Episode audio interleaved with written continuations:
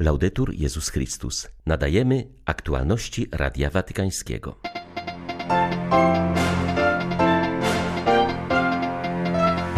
Na początku Adwentu Franciszek mówił o umiejętności szukania Boga w naszym życiu. Podkreślił, że nie przychodzi on w wydarzeniach nadzwyczajnych, ale w sprawach dnia codziennego. Musimy mieszkańcom Ukrainy pomóc przetrwać zimę, która będzie najtragiczniejsza od II wojny światowej mówią przedstawiciele Stowarzyszenia Pomoc Kościołowi w Potrzebie. Organizuje ono długofalową pomoc m.in. dla mieszkańców terenów wyzwalanych spod rosyjskiej okupacji. Włochy borykają się ze skutkami przedłużającego się kryzysu demograficznego. O tym, jak z niego wyjść, mówiono na festiwalu nauki społecznej w Weronie. 27 listopada wita Państwa Beata Zajączkowska. Zapraszam na serwis informacyjny. Bóg ukrywa się w najbardziej pospolitych i zwyczajnych sytuacjach naszego życia. Nie przychodzi w wydarzeniach nadzwyczajnych, ale w sprawach dnia powszedniego. Papież Franciszek mówił o tym na początku Adwentu, podkreślając, że musimy nauczyć się rozpoznawać obecność Boga w naszym życiu. W rozważaniu na Anioł Pański Ojciec Święty próbował odpowiedzieć na pytania, w jaki sposób Pan przychodzi i jak go rozpoznać i przyjąć. Wiele razy słyszeliśmy, że Pan jest obecny na naszej drodze, że nam towarzyszy i do nas mówi. Być może jednak, będąc rozproszonymi przez tak wiele rzeczy, jak to ma miejsce, ta prawda pozostaje dla nas jedynie teoretyczna, albo wyobrażamy sobie, że Pan przychodzi w sposób niezwykły, być może poprzez jakiś cudowny znak. Natomiast Jezus mówi, że stanie się to jak za dni Noego. A co czynili za dni Noego? Najzwyczajniej normalne, codzienne sprawy życia.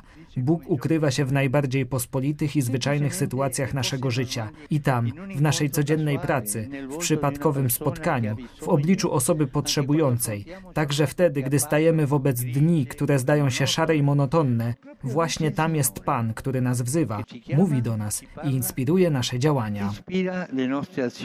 Ojciec Święty ponowił dziś swe apele dotyczące konfliktów zbrojnych. Nie ustawajmy w mówieniu nie wojnie, nie przemocy, tak dialogowi, tak pokojowi, zwłaszcza dla umęczonego narodu ukraińskiego. Wczoraj wspominaliśmy jego tragedię wielkiego głodu, zaznaczył papież po modlitwie Anioł Pański. Modlił się też za włoską wyspę Iskie, którą właśnie nawiedziła powódź. Wskazał też na trudną sytuację w Ziemi Świętej. Z niepokojem śledzę wzrost przemocy i starć, do którego dochodzi od miesięcy w Palestynie oraz w Izraelu. Zeszłej środy dwa niegodziwe ataki w Jerozolimie zraniły wiele osób oraz zabiły młodego Izraelczyka, a tego samego dnia podczas starć zbrojnych w Nablusie zginął palestyński chłopak. Przemoc zabija przyszłość, krusząc życie najmłodszych oraz osłabiając nadzieję na pokój. Mam nadzieję, że władze izraelskie oraz palestyńskie bardziej zaangażują się w poszukiwanie dialogu, tworząc wzajemne zaufanie, bez którego nie zaistnieje nigdy pokojowe rozwiązanie sytuacji w Ziemi Świętej. in Terra Santa. Przedłużająca się wojna na Ukrainie stawia przed Kościołem wiele wyzwań. Wśród nich jest pomoc materialna, ale także, co podkreślają przedstawiciele papieskiego stowarzyszenia Pomoc Kościołowi w Potrzebie, wsparcie dla ludzi, którzy zostali poranieni wewnętrznie. Stowarzyszenie przypomina także o licznych duchownych, którzy niosąc pomoc, sami żyją także w trudnych warunkach i zmagają się z niedostatkiem. Stowarzyszenie Pomoc Kościołowi w Potrzebie. Od samego początku wojny niesie pomoc Ukrainie i tę pomoc pragnie dalej kontynuować. Podkreślił to podczas swojej wizyty w Lwowie ksiądz Andrzej Paś, dyrektor wrocławskiego biura tej organizacji. Myśmy pomagali wcześniej, chociażby z Wrocławia organizując pięć transportów, tirów, który każdy miał 33 palety żywności długoterminowej, chemii, wody, leków, ubrań, to wszystko, co jest konieczne do codziennego życia. A dzisiaj się okazuje, że potrzebne są cały czas te rzeczy, tym bardziej, że niektóre miejsca właśnie na wschodzie wschodzie Ukrainy zostały tak mocno zniszczone, że ta pomoc materialna jest konieczna. Pomoc Kościołowi w potrzebie pomaga osobom poszkodowanym przez wojnę, ale także niesie pomoc duchowieństwu, które zostało na swoich placówkach duszpasterskich. Mówi o tym Magda Kaczmarek, odpowiedzialna za nowe projekty. Widzimy, że ludzie są strasznie zranieni. Wszyscy. To są często rodziny, które stracili swoich bliskich. To są matki, to są żony, to są dzieci, ale też Kościół, który stara się im pomóc. Tegoroczna zbiórka pomocy, jaka zorganizowana była przez stowarzyszenie, odbyła się w Polsce w Dzień Solidarności z Kościołem Prześladowanym. Została ona w całości przeznaczona na pomoc Ukrainie. Z Lwowa, dla Radia Watykańskiego, ksiądz Mariusz Krawiec, Paulista. Dla mnie jest prawdziwym cudem, że ludzie, którzy utracili wszystko i mogliby wyłącznie płakać oraz narzekać na niesprawiedliwość tej sytuacji, momentalnie odpowiadają na każdy gest dobroci skierowany ku nim, budzi się w nich nadzieja. Tak o swoim doświadczeniu w pomaganiu poszkodowanym na skutek wojny na Ukrainie opowiada siostra Marta Meszko, zakonnica ze Zgromadzenia Sióstr Maryi od cudownego medalika wraz z wolontariuszami wspiera mieszkańców obwodu kijowskiego w odbudowywaniu ich domów, zwłaszcza przed nadchodzącą zimą. Nasi organizacji Nasi wolontariusze jeździli do wiosek w obwodzie kijowskim, rozdając tam zapasy żywności. Pewnego razu pojechałam z nimi z myślą, jak mogłybyśmy pomóc osobom, które ucierpiały na tej wojnie. Niemal na końcu wsi jedna kobieta zaprosiła nas do siebie, pokazując, jak wygląda jej zrujnowany dom oraz powiedziała: Coś byśmy już tutaj odbudowali, żeby móc tutaj na powrót żyć, bo nie mamy naprawdę gdzie mieszkać, ale nie posiadamy odpowiednich środków. Gdybyśmy mieli jakieś materiały, moglibyśmy już coś robić. Jej słowa stały się dla mnie światłem i od razu pojęłam, że jeżeli zrozumiemy ich potrzeby, wówczas będzie nam o wiele łatwiej im pomagać. Gdy pojechaliśmy ponownie do wioski, jedna kobieta spytała, czy możecie jeszcze w jakiś inny sposób pomóc niż tylko dając jedzenie. Tego dnia widzieliśmy się jeszcze z pięcioma rodzinami, które także pragnęły odbudować swoje domy. Також бажали відбудовуватися. Pochowałem zbyt wielu. To były czyste dusze, które zapłaciły życiem za obronę naszej wolności i ojczyzny, mówi ojciec Andrzej Zeliński, kapelan armii ukraińskiej.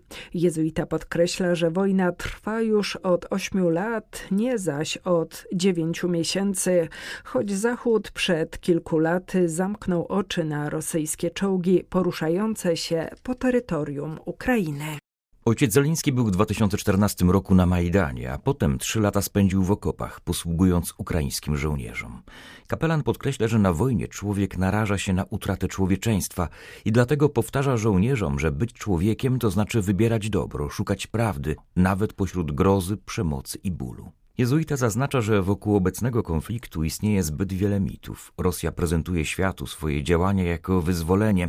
Tymczasem Rosjanie zabijają osoby rosyjskojęzyczne na Ukrainie. Walki toczą się bowiem na wschodzie, gdzie ten język dominuje, a ponad 50% wojska ukraińskiego posługuje się rosyjskim. Ponadto na wschodzie dominuje przynależność wyznaniowa do prawosławia, zwłaszcza do patriarchatu moskiewskiego, co oznacza, że prawosławni zabijają prawosławnych. Wobec Zachodu dostrzegającego zakłamanie rosyjskiej propagandy, ojciec Zeliński zauważa, że z kolei podziwia on Rosję Dostojewskiego i Tołstoja. Taka zaś Rosja istnieje tylko teoretycznie, tylko na kartach ksiąg. Kapelan podkreśla, że pokój jest darem Boga, ale wymaga współpracy osoby, wymaga otwartego serca, szczególnie na prawdę i sprawiedliwość. Młodzi nie widzą perspektyw na przyszłość.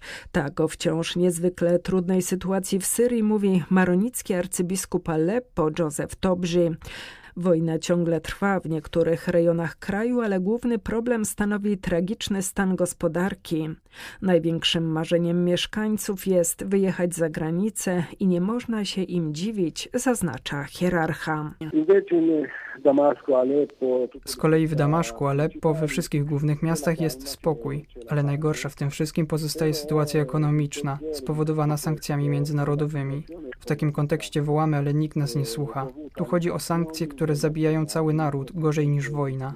Żeby trochę ułatwić zrozumienie sprawy, wystarczy powiedzieć, iż pracownik państwowy zarabia na miesiąc 100 tysięcy funtów syryjskich, wartych około 18-19 euro. Takie sumy wystarczają wyłącznie na jedzenie i picie, bez wynajmu, leczenia, które to rzeczy kosztują astronomiczne sumy. Kościół w tej sytuacji praktycznie bierze na siebie niestety rolę państwa. My płacimy za te konieczne dobra za szkoły, za potrzebne operacje chirurgiczne, leki, czasem za czynsz. I to wszystko dzięki wsparciu od Was z Zachodu, od naszych chrześcijan przebywających poza granicami kraju. Bez tego nie potrafilibyśmy tutaj w ogóle wyżyć w naszych kościołach. A naszą bogatą działalnością pastoralną usiłujemy zasiewać wiarę i trochę nadziei. Afryka sama musi zadbać o swój rozwój, inaczej nie poradzi sobie ze swym zacofaniem, uważa kardynał Theodor Adrien Sarr. Były metropolita Dakaru wydał właśnie książkowy wywiad pod tytułem Afryko, wstań i chodź. Rozważa w nim swą wieloletnią posługę w kościele i daje wskazówki dla społeczeństw czarnego lądu. Kardynał Sar przyznaje, że 60 lat po zrzuceniu jarzma kolonializmu w wielu afrykańskich krajach nadal nie widać znaczących oznak rozwoju. Zdaniem senegalskiego purpurata kluczowym problemem jest postawa miejscowych polityków, ich priorytety, czy rzeczywiście dążą do rozwoju swych krajów, czy raczej do gromadzenia bogactw dla siebie. Tymczasem to oni muszą wytyczyć cele i drogi rozwoju, opierając się na rodzimym potencjale ludzkim i zasobach naturalnych. Tylko na tym fundamencie mogą akceptować dodatkową pomoc z zewnątrz, pod warunkiem jednak, że nie stoi to w sprzeczności z rodzimymi wartościami. Kardynał Sar odpowiada również na krytykę afrykańskich biskupów, którym zarzuca się często, że mieszają się do polityki. Senegalski purpurat przypomina, że w większości konstytucji zapisany jest rozdział państwa od religii, a biskupi afrykańskich krajów rygorystycznie przestrzegają katolickiej nauki społecznej i respektują świeckość państwa. Jednakże w obliczu zagrożenia, jakie politycy stwarzają dla dobra wspólnego, biskupi muszą zabierać głos, aby potępiać poważne nieprawidłowości. Staramy się pokonać lęki przed posiadaniem dzieci. Czasem nam się to udaje, czasem nie, ale naszym celem jest poprawa życia włoskich rodzin, mówi Gianluigi De Palo, przewodniczący Forum Stowarzyszeń Rodzinnych. Podkreśla, że załamanie przyrostu naturalnego prowadzi do załamania całego państwa. Temat zimy demograficznej został podjęty na Festiwalu Nauki Społecznej Kościoła w Weronie. Była to już dwunasta edycja tego wydarzenia, tym razem pod hasłem Budować zaufanie, pasja spotkania. Jak podkreśla De Palo, to, że młodzi nie chcą mieć dzieci, nie oznacza, że nie warto się angażować w budowę rodziny. Mam pięcioro dzieci, a zdecydowałem się na nie nie mając żadnej pewności ekonomicznej. Patrząc wstecz, zdaję sobie sprawę, że moje młodzieńcze marzenia były nieskończenie węższe i nędzniejsze od tego, czego doświadczyłem. Obawa przed posiadaniem dzieci jest zrozumiała i nie możemy jej bagatelizować, ponieważ obiektywnie we Włoszech istnieje tak wiele trudności. Cel forum to właśnie usunięcie takich problemów. Mimo, że nie jest to łatwe, warto to zrobić. Włochy tracą pozycję z punktu widzenia gospodarczego, z punktu widzenia przyszłości. Jeśli bowiem spada wskaźnik urodzeń, spada PKB, a jeśli przyrost naturalny pikuje, zapaści doznaje również system emerytalny i dochodzi do pogłębiania kryzysu. W takiej sytuacji wzrośnie liczba osób słabych, załamy się opieka społeczna, upadnie narodowy system opieki zdrowotnej. W tym problemie widzę wyzwanie łączące prawicę, lewicę, katolików, świeckich. Jeśli tak dalej pójdzie, wszystko się zawali, a nasze dzieci zostaną wtedy zmuszone do wyjazdu za granicę, bo Włochy będą tylko krajem pełnym długów. Były to aktualności Radia Watykańskiego. Laudetur Jezus Chrystus.